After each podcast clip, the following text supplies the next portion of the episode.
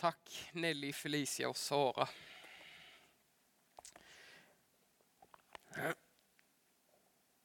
Gott att se er denna veckan.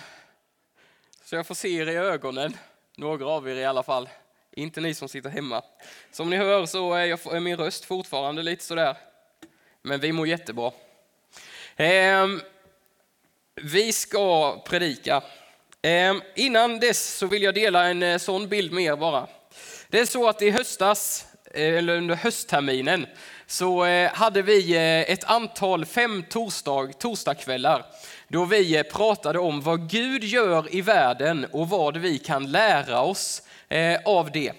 Och det här gör vi, eller gjorde vi, som ett inlägg i ett pågående samtal som vi för i församlingen om vår framtid, vart är vi på väg, vad tror vi att Gud leder oss och så vidare. Och nu så ligger det fem stycken eh, pass uppe på vår Youtube-kanal. Så om du inte har, eh, har sett dem eller lyssnat till dem så vill jag verkligen uppmuntra dig att, eh, att göra det.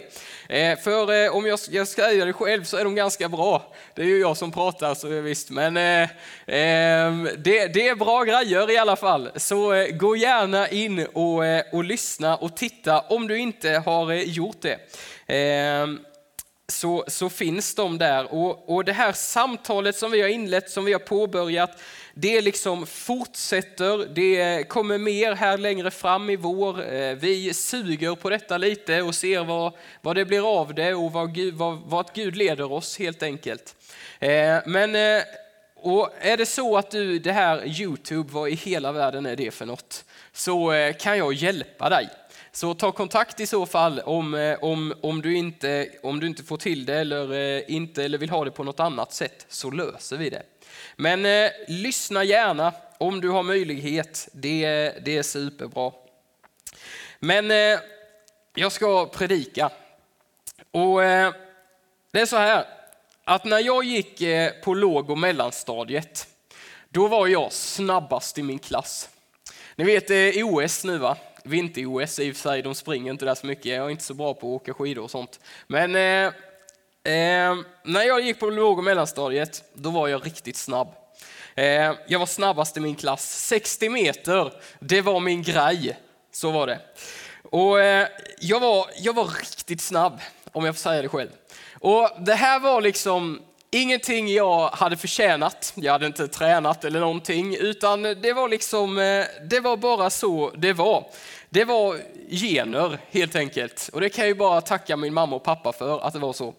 Ehm, och jag, jag inte, var liksom inte sådär eh, jättebra på någonting annat, så, utan jag var väl ganska normalbegåvad. Så. Men jag kunde springa. Och ehm, jag visste det. Dessvärre så tog eh, generna, de tog mig inte så jättelångt. För när puberteten kom så stannade jag efter ett tag i växten och eh, jag är inte så snabb längre. Eh, dessvärre, ingen Usain Bolt så. Men då var jag riktigt snabb. Jag är inte så ledsen för att jag inte är det nu. Mina gener har gett mig andra kvaliteter. Så tack mamma och pappa. Men när jag var liten, igen, så var jag snabb och jag visste det. På låg och mellanstadiet så spelade jag också fotboll. Och jag var väl sådär duktig på fotboll också. Min bollkänsla och min bollkontroll, den var väl typ medel motivationen den tröt ibland. Jag kommer ihåg en gång när jag skulle på fotbollsträning och jag ville inte. Men mamma sa, jo du ska min sann på fotbollsträning. Nej, jag vill inte, sa jag. Så jag rymde hem till mormor och morfar utan att säga något till mamma. Eh, och mormor hon ringde hem till mamma och sa att Johan han är här, bara så du vet. Och mamma kom och var superarg och drog mig i örat. Men jag känner, jag finner tröst i det nu när jag ser tillbaka tillbaka på det och tänker på mina egna barn när jag ska tvinga dem till träning och så. Att jag var likadan och eh, det, går, eh, det gick ju bra ändå, typ. Men i alla fall, jag spelade fotboll och jag var sådär duktig med, med bollen och bollkontroll liksom och så vidare. Men jag var snabb i alla fall. Och det var till min fördel. Ehm, och jag kommer ihåg en gång när laget i årskursen över, alltså de äldre killarna, liksom, de skulle spela kupp och de saknade några spelare. Och då blev jag utvald av min tränare att vara med. Liksom. Han kom och frågade, Johan ska inte du ta denna veckan och träna med, eh, med de, de äldre killarna liksom, och vara med dem och spela matcher på lördag? Och jag kände sådär, wow, liksom, kan jag det ens? Alltså jag var ju inte jättelång när jag var liten och de var ju superlånga. Liksom. Ni vet när man är liten så ett års skillnad är ganska stor skillnad. Eh, så jag var lite sådär, jag sa, jo men visst, det kan jag väl göra. Med klump i magen och nervös liksom, så kom jag till första träningen där, eh, kommer jag ihåg. Och jag var, jag var ganska osäker och jag tänkte, vad i hela världen kan jag bidra med här? De är större än vad jag är, de är skickligare än vad jag är eh, och jag är inte så, så lång liksom. Det var nervöst och det var klump i magen, ni vet. Men jag kommer ihåg att efter uppvärmningen, hörni det kommer en poäng här, så håll ut. Jag kommer ihåg att efter uppvärmningen så skulle vi göra några sådana här övningar och då var det en övning, första, öv, första övningen vi skulle göra. Så står man liksom två, eh, tränaren han står i mitten med en boll och så står man på vardera sida så och så kastar han ut en boll så eh, och så ska man springa runda en kon och så ska man komma först på bollen, ta kontroll över den liksom och sen skjuta in i mål. Så. Eh, och där stod vi och gjorde oss redo för det och jag var ju supernervös liksom, för de här var ju, killarna var ju superstora och jätteduktiga och så vidare. Men då när vi radar upp oss så är det någon som säger så här, alltså det här är ju fuskigt, ingen kommer ta Johan för han är ju sketasnabb, var det någon som sa. Och när jag hörde det så blev jag genast lite mindre osäker och nervös. Det göts liksom mod i mig för att jag tänkte att jo, men så är det ju faktiskt. Jag är sketasnabb minsann. Det kan vara så att jag kan fixa detta. Och mycket riktigt, när allting eh, drog igång så, eh, så var jag först på bollen varenda gång fastän killarna var större än vad jag var och lite skickligare än vad jag, vad jag var, så lyckades jag få tag på bollen och någon gång skjuta den i mål. Sådär. Och då insåg jag att ja, men det kanske kommer bli bra på lördag ändå när vi ska spela match. Eh, för jag är ju sketasnabb. Och jag insåg att jag har någonting att bidra med här. Och genast blev jag lite mer frimodig och inte så osäker. Jag har något att bidra med. Jag kan ge något till detta. Och jag kommer inte ihåg hur det gick med de där matcherna, men jag kommer ihåg det här tillfället jättetydligt, för det var en sån moment, ni vet. Ja, men här hände det någonting. Det göts mod in i mig. Och idag, nu kommer poängen, den här stunden så skulle jag vilja försöka gjuta mod in i dig och in i din situation. För det är så att vi läser i Hebreerbrevet 4 och 12 att Guds ord är levande och verksamt. Att det händer någonting i oss när vi hör det. När vi tar, oss till, när vi tar till oss det och börjar tro på dess sanningar.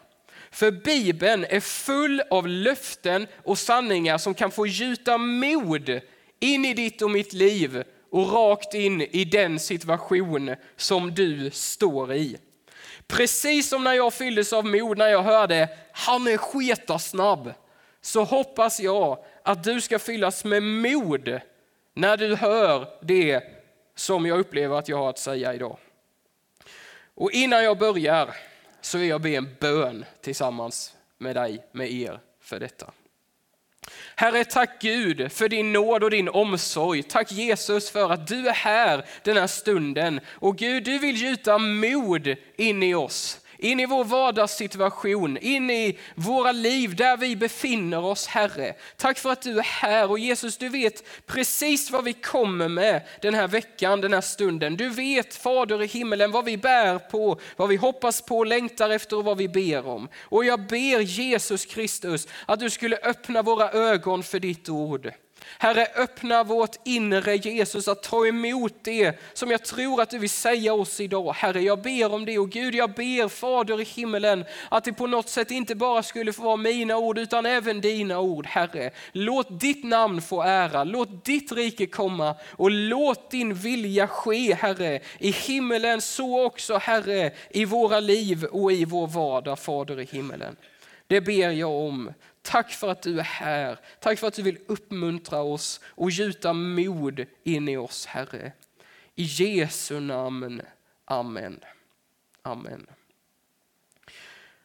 Vi ska läsa tillsammans från Efesiebrevet. Hörrni, jag gillar Efesiebrevet. Jag vet inte om ni har tänkt på det, men i höstas så pratade vi mycket från Efesiebrevet och jag ska göra det idag också.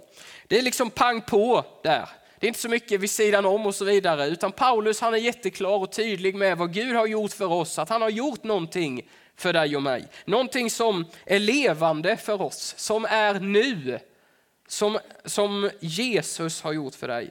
Och vi ska läsa Efesierbrevet kapitel 2, vers 4 10. Där står det så här. Men Gud som är rik på barmhärtighet har älskat oss med så stor kärlek, även när vi ännu var döda genom våra överträdelser, att han har gjort oss levande med Kristus. Av nåd är ni frälsta han har uppväckt oss med honom och satt oss med honom i den himmelska världen, i Kristus Jesus, för att i kommande tider visa sin överväldigande rika nåd genom godhet mot oss i Kristus Jesus. Av nåden är ni frälsta genom tron, inte av er själva. Guds gåva är det, inte på grund av gärningar, för att ingen ska berömma sig. Hans verk är vi, skapade i Kristus Jesus Jesus till goda gärningar som Gud har förberett för att vi ska vandra i dem. I vår tid så är det inte svårt att drabbas av missmod ibland eller tappa frimodigheten som jag gjorde där i början av januari som jag berättade om i förra veckan. Men Bibeln är full av Guds löften och Guds sanningar löften och sanningar som är värda att bygga ett liv på. Som kan gjuta mod in i din och min situation i vår vardag. Och när Paulus skriver till församlingen i Efesos så skriver han till en församling som har fått möta mycket motstånd. I Apostlagärningarnas 19 kapitel så läser vi om hur Paulus han spenderar två års tid i Efesos. Och han undervisar mycket, många människor kommer till tro står det. Och det påverkar hela området i mindre Asien, står det. Så mycket så att varje människa i det området, det rör sig om flera miljoner människor, får höra evangeliet under två års tid. Många människor kommer till tro.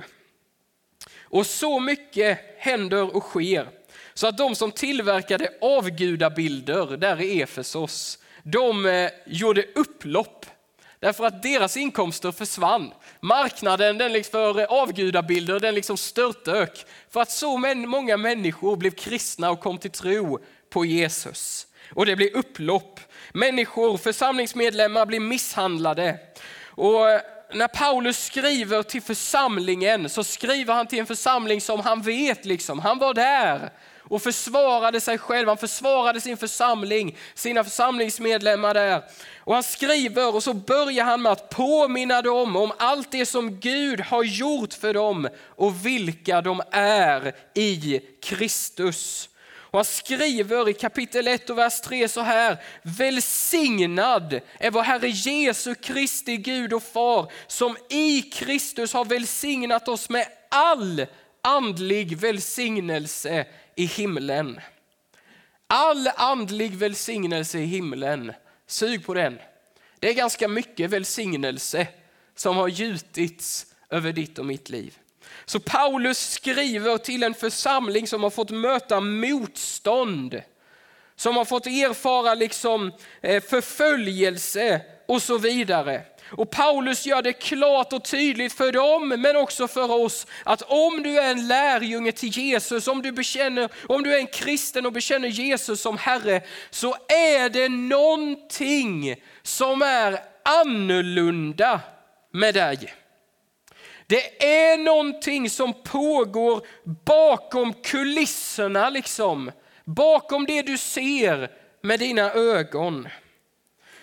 Och när vi lever i vardagen så är det ibland så lätt att vi speglar oss i våra omständigheter. Men du är mer, säger bibelordet, än det du ser i din spegel när du tittar i den på morgonen. Bibeln gör det klart.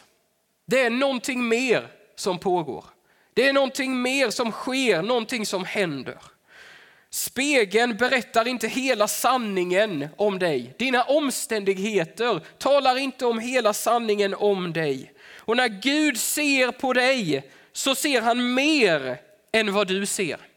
Och vi ska stanna vid detta en stund, därför att i Efesierbrevet kapitel 2, vers 4-10 så ger Paulus oss en bild av en annan verklighet som är sann för dig och mig som tror på Kristus. Guds verklighet för dig som är en kristen. En verklighet som vi kanske inte alltid ser och upplever med våra sinnen, men som inte är desto mindre verklig. Och vad är det då Paulus säger? Jo, låt oss titta. I vers 4 börjar vi. Paulus han talar om för oss att Gud har i Kristus, alltså genom tron på Jesus, gjort dig levande tillsammans med honom. Gud har gett dig ett nytt liv genom Jesus. Ett andligt liv. Han säger att tidigare var ni döda, säger han. Döda för vad då? Jo, döda från livet med Gud. Omedvetna om Guds närvaro. Men tack vare tron på Jesus så har du väckts till liv.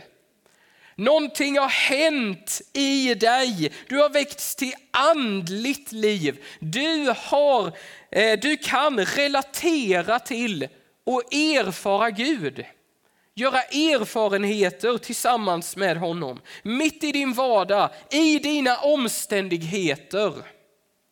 Du har gjorts medveten om att livet är mer än det du ser med dina ögon. Det finns en övernaturlig verklighet, ett nytt liv att leva och erfara. Ett liv tillsammans med Jesus. Ett liv som ingen kan ta ifrån dig. Ett liv som ingenting, kan, ingen kan stjäla. Ingen kan ta det ifrån dig. I Johannes evangeliet kapitel 3 och 3 så säger Jesus så här, jag säger dig sanningen, den som inte blir född på nytt kan inte se Guds rike.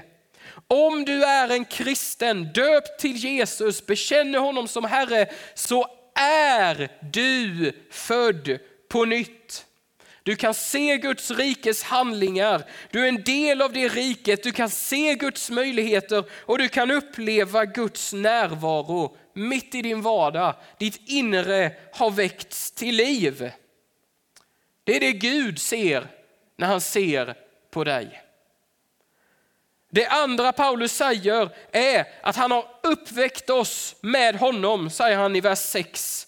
Samma kraft som väckte upp Jesus från de döda har uppväckt och kommer att väcka upp oss från döden. Du är uppväckt och du kommer att väckas upp. Du är uppstånden från de döda, säger bibelordet. Och jaha, det här låter ju väldigt märkligt. För vi är ju inte döda än, eller? Hoppas jag inte i alla fall. Men det är vi ju inte. Men Paulus han säger det. Redan nu är du uppväckt från de döda. Det här beskriver en verklighet som vi ännu inte ser, en verklighet som ännu inte skett. Men i Guds eviga nu så är det redan sant. Du är uppstånden med Jesus från de döda. Och Jesus han säger i Johannes evangeliet kapitel 11 och 25 så här. Jag är uppståndelsen och livet. Den som tror på mig ska leva om han än dör. Och den som lever och tror på mig ska aldrig någonsin dö, säger Jesus.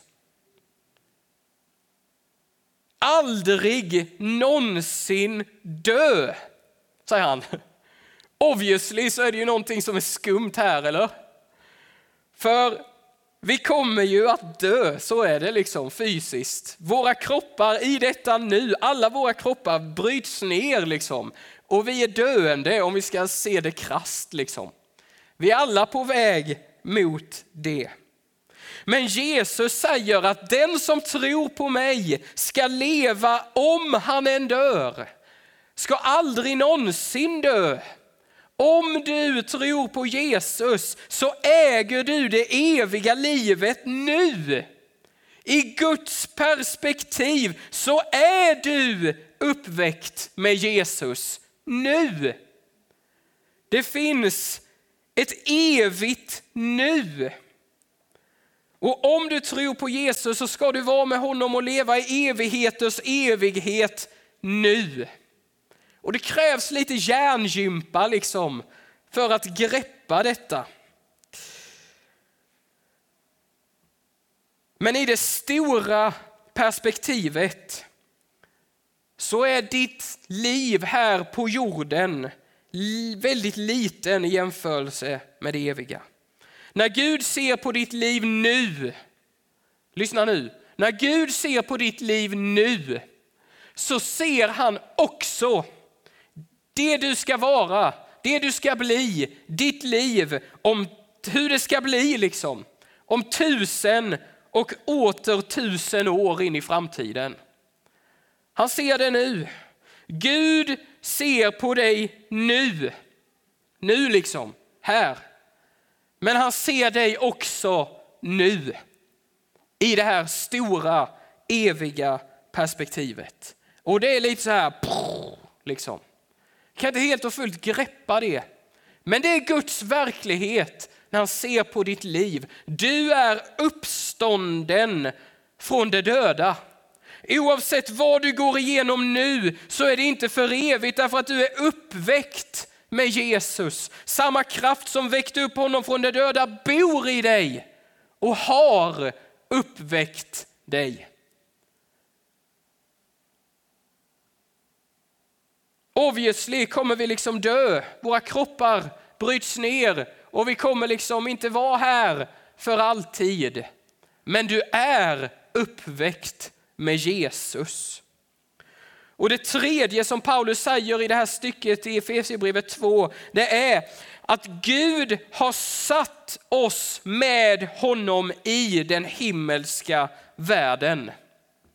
Och det här är också lite så, vi kan inte helt och fullt greppa detta eller förstå det, men det är inte desto mindre sant. För det tredje som Gud har gjort för dig och som är verkligt nu, fast vi inte ser det med våra ögon, det är att han har satt dig med Jesus i det himmelska. Och vi förstår av Nya Testamentets berättelse att Jesus just nu sitter i himlen. Och vad är det han sitter på för något? En tron eller hur? En kungatron, en stol. Han regerar evigheters evighet. Det är evangeliernas berättelse, apostlagärningarnas berättelse. Det vittnar breven om. Han sitter på en tron, han har getts all makt i himlen och på jorden. Och när Paulus här använder ordet satt så har den den bokstavliga betydelsen i grundtexten att han har gett, alltså Gud har gett oss delat säte med Jesus. Visst är det vackert? Du har givits delat säte med Jesus. Ja men Johan, nu tar du väl ändå lite för stora ord i munnen va? Inte kan det väl vara så att jag sitter där uppe med Jesus på hans tron? Jo, om vi ska tro Paulus så är det så. Du har delat säte med Jesus. Du sitter med honom på tronen i himlen, detta nu. En verklighet som en dag ska bli synlig för våra ögon och som ska bli uppenbart. Men bara för att vi inte ser det just nu så är det inte mindre sant. Därför att i Guds eviga nu och i hans stora perspektiv så är det en verklighet för dig och mig som tror på Kristus. Och det är som om Gud han liksom har sagt till Jesus så här när han sitter på tronen. Hörru du Jesus, nu får du hoppa lite.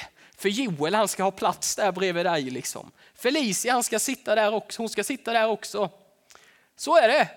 Hoppa lite Jesus. Och Jesus han glatt hoppar lite åt sidan, hjälper dig upp på tronen, håller om dig sådär vet ni. Mysigt. Så, så gör han. Det är en verklighet i detta nu, säger Paulus. Ser det inte med våra ögon, men det gör det inte mindre sant. Du är nära Jesus. Så nära så att du sitter precis bredvid honom. Så att om du lägger din hand på stolen bredvid liksom, så är Jesus där. Så är det.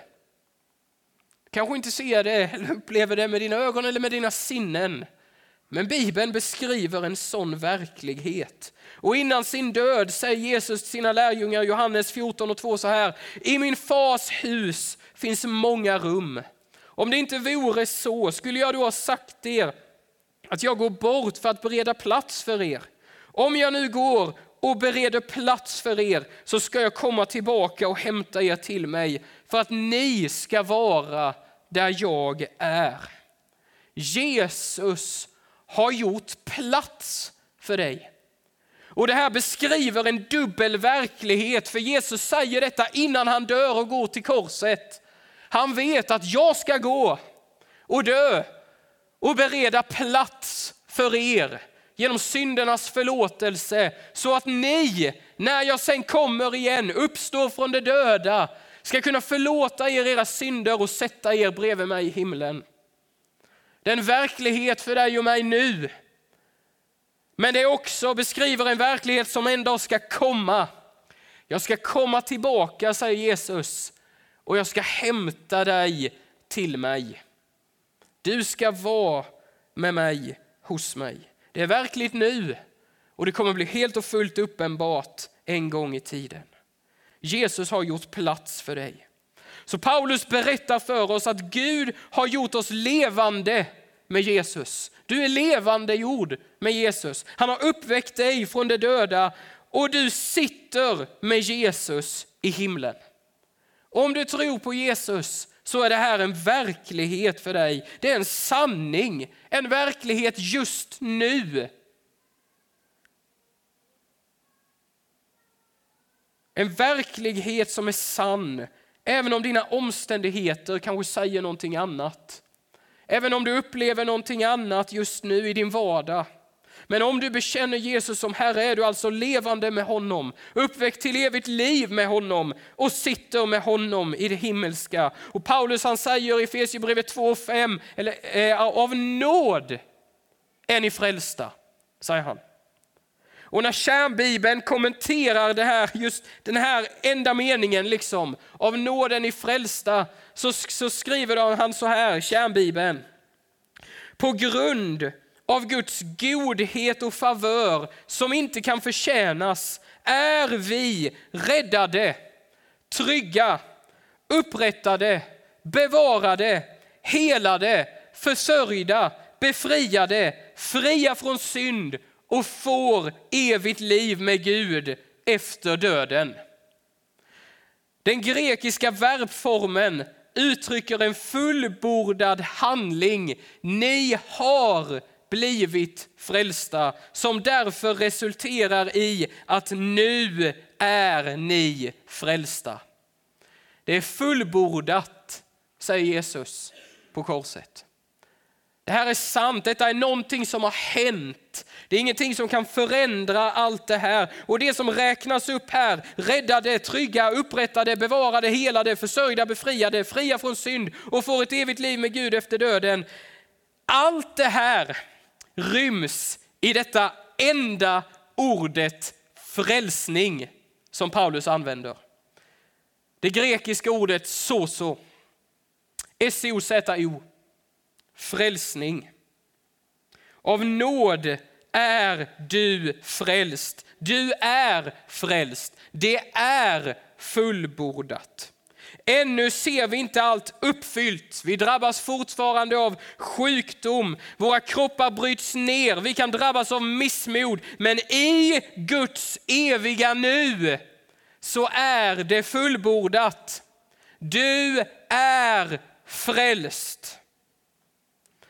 Hur kommer detta oss till del då? då? I 2.8 så säger Paulus, av nåden är ni frälsta genom tron, inte av er själva. Guds gåva är det, inte på grund av gärningar för att ingen ska berömma sig. När jag var liten så var jag snabb. Det var inget jag hade gjort mig förtjänt av. Jag hade inte tränat mig till det eller arbetat mig till det. Det var en gåva. Det fanns i mitt blod. Och på samma sätt är livet, uppståndelsen, frälsningen, att sitta med Jesus i himlen en gåva. Det är ingenting vi kan förtjäna oss till, arbeta oss till eller förtjäna därför att det finns i blodet. Inte i mitt blod, inte i ditt blod, men i Jesu blod. Han har vunnit för dig. Och det här som Paulus beskriver i Efesierbrevet 2, det är ingenting vi kan lägga beslag på. Det är ingenting vi kan claima, utan det är någonting som är oss givet. Och om vi vill få tag på det så måste vi gå genom korset. Vi kan inte gå runt det, vi kan inte gå över det, vi kan inte gå under det. Ni vet i barnsången som när man ska hitta tigern, vi måste gå genom grottan, genom korset. Det är i och genom Jesu blod, hans försonande död, som det här är oss givet. Du kan inte komma med dina egna meriter och säga till Gud, kolla här, jag har förtjänat det. Enda sättet att få del av frälsningen är att ödmjukt komma till korset och säga Jesus, fräls mig, hjälp mig, rädda mig. Och vet ni vad, det är goda nyheter. Det är goda nyheter för dig och mig. Därför att det är öppet för dig. Du är välkommen. Ingenting står i vägen för dig. Ingenting kan besegra den makt som är verksam i Jesu död på korset. Och när folket på pingstan frågar Petrus, när de ser att anden utljus, frälsningen kommer till del, så frågar de, vad är det vi ska göra? Och då säger Petrus, omvänd er och låt er alla döpas i Jesu Kristi namn, så att era synder blir förlåtna då får ni den heliga ande som gåva. Då ska ni bli frälsta. Det är Jesu Kristi namn som det händer. Det är genom att ta emot det som Jesus har gjort för oss som livet och uppståndelsen sker. Och den här veckan så har jag levt med några verser från psalm 25. Vers 8 till 11 säger så här. Herren är god och rättfärdig. Därför undervisar han syndare om vägen. Han leder de ödmjuka rätt. Han lär de ödmjuka sin väg. Alla Herrens vägar är nåd och sanning för dem som håller hans förbund och vittnesbörd. För ditt namns skull, Herre, förlåt mig min synd, för den är stor. Gud undervisar syndare om vägen. Det är inte kört för dig och för mig. Det är liksom, det är det som är någonstans kravet eller vad man ska säga. Det behövs en insikt om att jag är inte mig själv nog. Han leder ödmjuka rätt. Det är de som bejakar sin synd och brustenhet, som förstår sitt behov av omvändelse och frälsning. Det är de som kommer få uppleva det som ödmjukt kommer till Gud och säger hjälp mig, förlåt mig, jag klarar inte detta själv. Det är de som börjar se och förstå Guds väg. Det är de vars inre väcks till liv så de kan se Guds rike. Det är de som ska uppstå. Det är de som sitter med Jesus. Det är genom korset, genom Jesu blod som det här blir verklighet för dig och mig. Om du vill sitta på Jesu tron så måste du kliva ner från din egen tron och komma till honom.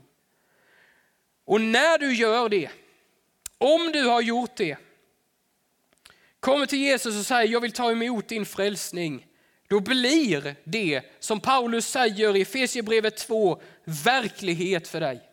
Du vinner frälsningen, inte på dina egna meriter, inte som något som du har förtjänat, utan på Jesus meriter och hans förtjänst. Och det blir sant för dig. Och vad betyder allt detta då? då? Jo, det betyder att när du kommer till Jesu kors och säger jag vill ta emot din frälsning, jag vill omvända mig, jag vill tro på dig, förlåt mig min synd. Då tar Jesus emot dig. Han säger jag förlåter dig. Han säger här, bli levande.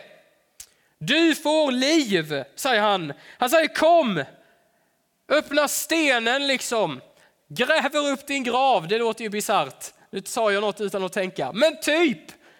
Det är så, uppståndelsens morgon. Kom upp, bli levande. Och han säger kom, sätt dig här med mig. Du är levande med Jesus. Allt det som Paulus räknar upp, det är det givet. Du kanske inte ser det just nu, men det är inte mindre sant.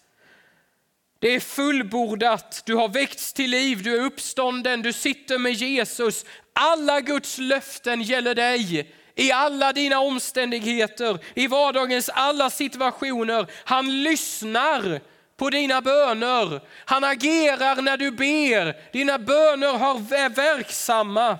Där du går, där går Jesus fram.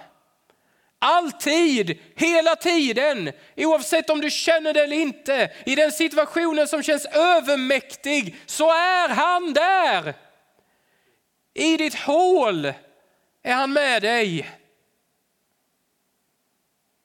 Du är frälst i Guds eviga nu.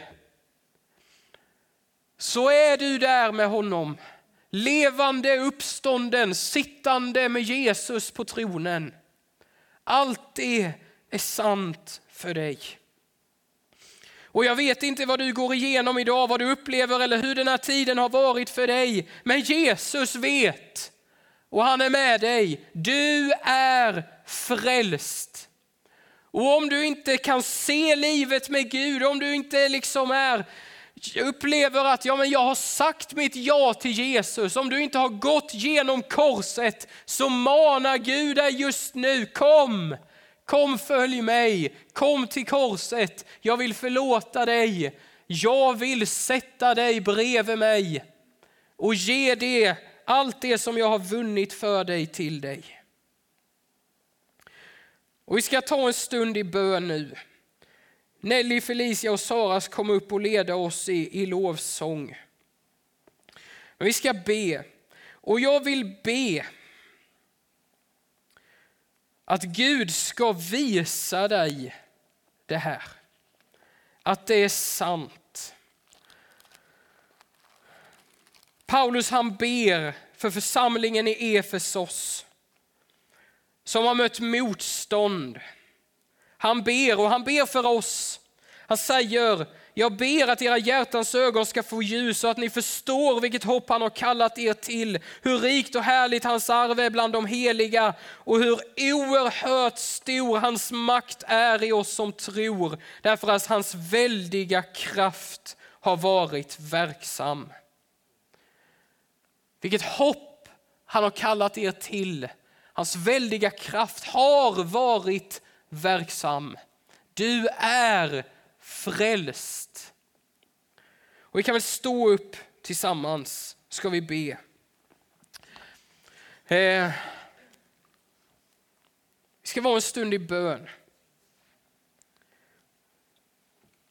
Och vi har ju inte personlig förbön just den här söndagen. Vi Se hur vi gör nästa söndag. Men vi kan väl göra så att vi böjer våra huvuden i bön. Och är det så att du känner, ja men jag, jag bara, det här som Johan har sagt, det rör vid mitt hjärta. Jag behöver få se det här, uppleva det. Eller om du har ett bönämne och i din vardag känner att Nej, men det här är mig övermäktigt eller något ligger på ditt hjärta och pyr. Så bara höj din hand då så vill jag be för dig. Du behöver inte komma fram eller någonting, men jag vill be tillsammans med dig. Gud välsigne dig och dig och dig och dig och dig och dig. Gud välsigne er. Herren ser er och han vet vad det är som ni går igenom. Och han vill röra vid ert liv därför att han är mäktig att göra det. Gud välsigne dig. Och vi har en tro att Gud i sitt eviga nu kan gripa in i din och min vardag just nu. In i vår situation nu.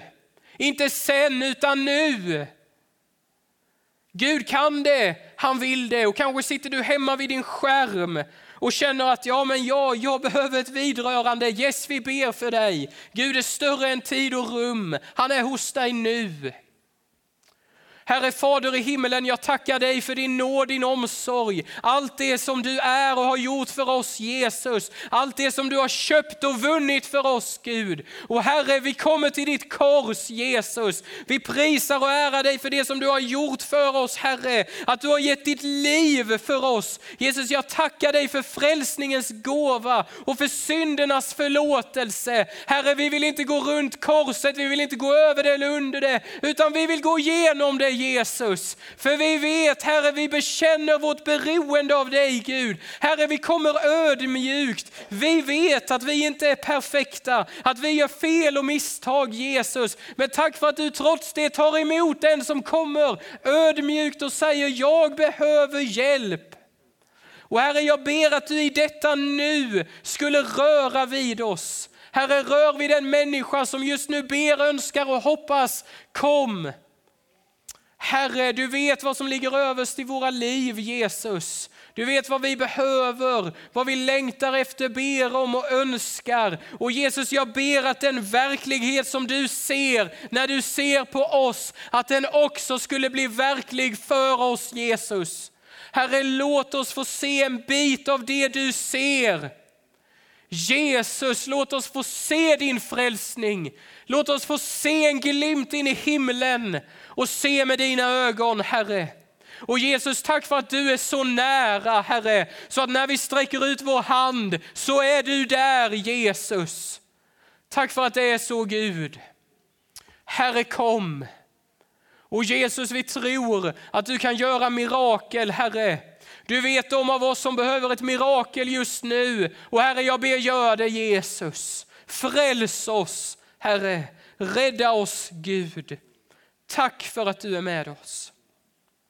Och Jesus, vi lyfter vårt samhälle inför dig. Vi lyfter Osby och hela vår kommun, Gud, inför dig. Herre Fader i himmelen, du vet varje människa som bor här. Tack för att du har satt oss här av en anledning, Gud. Som vi läste i början, Herre, att vi får vara ditt verk, skapade av dig till goda gärningar som du har förberett för oss, Herre. Jesus, vi tror att du har en plan för våra liv, att du har en plan för vår gemenskap och vår församling. Herre, vi tror att vi är ljuset på berget och tack Jesus för att det inte hänger på vår förmåga utan det är oss givet, det finns i vårt blod, Herre Jesus, därför att du har vunnit det för oss. Tack för att där vi går fram går du fram Herre och jag tackar dig Jesus att det märks och att det syns i vår omgivning Herre.